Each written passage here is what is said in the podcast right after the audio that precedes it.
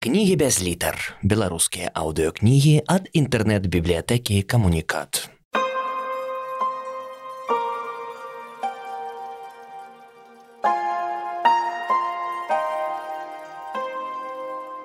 Андрей Федоренко «Дикий лух» Раздел шостый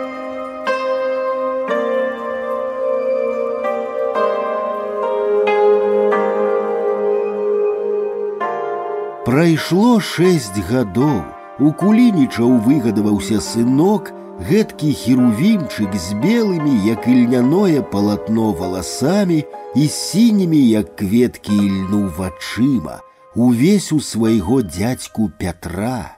Чамусьці познія дзеці заўсёды крыху не такія, як усе, Васілька больш цягнула да дарослых, з дзецьмі ён не надта любіў гуляць у нашых і немцаў, у хованкі, у хакей, футбол, адзінае на што згаджаўся пастаяць у варотах ці як ён казаў на вароцях. Яму цікавей было з бацькам пасоўваць па клетках шашкі, складаць даміно ці перакідвацца з маткаю картамі ў п'яніцу, Часто под вечар каля кулінічавай хаты можна было назіраць такі малюнак, сядзяць на лаўцы дзяды з кавенькамі і з краю маленькі васілёк з палачкаю, пальчыкі счэплены на каленях. Кулінічы не шкадавалі для яго нічога, больш дзяцей у іх не было, і васільку даставалася ўся пяшчота. У вёсцы не разумелі гэтага, Вёска ўсё хавае, Тут не прынята паказваць, што ты нешта ці некага моцна любіш. Тут не да мусі пусяў, ні да цялячых пацалункаў, ні да цырымоній. Усё гэта выпрацоўвалася вякамі, перадавалася з пакалення ў пакаленне як абярэг, было няпісаным кодэксам. Вось класічны дыялог маці з сынам: ідзі есці ірад. Ай, не хочу. Я табе не захочу, я з тебе шкуру злуплю. У кулініча ўсё па-іншаму. Махновачка выплывае на вуліцу мядовым голасам: « Васілёчку, ідзі, сыночку, естачкі. Іду, мамачка, а дзе татка? Бацькі з малых гадоў прывучаюць дзяцей да скрытнасці. Пойдзеш гуляць, дык хаця нікому не кажы, што еў у чужой хаце не сядай за стол, не пазірай, як чужыя ядуць. Самы вялікі сорам, калі падумаюць, што галодны. Ды барані Бог, нічога нікому не расказвай, маўчы і ўсё. Василька ахвотна ішоў у любую хату, як у сваю ўласную, лез за стол, калі запрашалі, і адказваў на любое пытанне. Хітрая баба перастрэне, заманіць цукеркам ці грушаю і пачынаецца, а што ты сёння еў, Васільку? Каўбасу з казулі, яшчэ фаршу матка накруціла. А браце, а дзе ж вы мяса бераце? Ляснічы прывёз. Бесклапотна казаў Васілёк, седзячы на лаве, хістаючы ножкаю. А матка цябе б'е калі? Не-а. Ты, мабыць, як вырасцеш, будзеш ляснічым. Не-а. Дык мо брыгадзірам, Маслоўскі хутка на пенсію, дык мо ты замест яго будзеш. Не-а. А кім ты будзеш? Матросам на караблі. Ты пабач, аж слупянела баба ад здзіўлення. Хто ж цябе гэтаму вучыць? Матка? Не, дядька Пятро. А колькі табе матка грошай на кніжку наклала, мо ўжо тысячу? Не, сто мільёнаў. А, браце, так махновачка навучыла. Зрэшты, ўсе падобныя спектаклі заканчваліся аднолькава. Пасля бабы ў голас адна адной пераказвалі, ведаючы, што кожнае данясе махновацы, не людзі, а золато, і кулініч, і дзіцятко, і жоначка яго.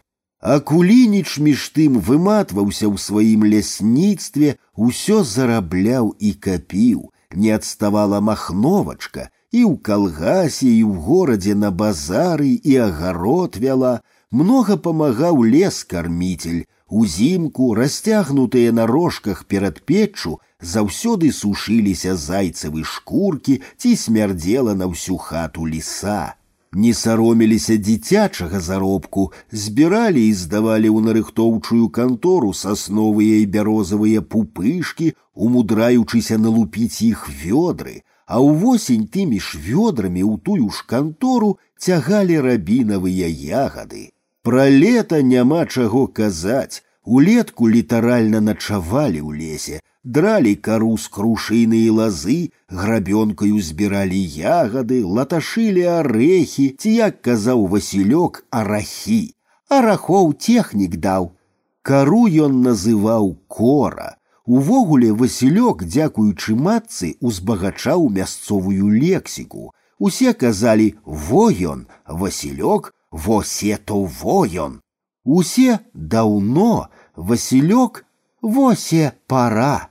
Мацнела гаспадарка, з'яўляліся новыя матэрыяльныя рэчы, і ўсё было як бы ў квадраце, мела сваю маленькую копію з прыцэлам на васілька. Была кабыла і жарэбчык, стрельба двухстволка і тульская аднастволачка, матацыкл урал і каляска да яго.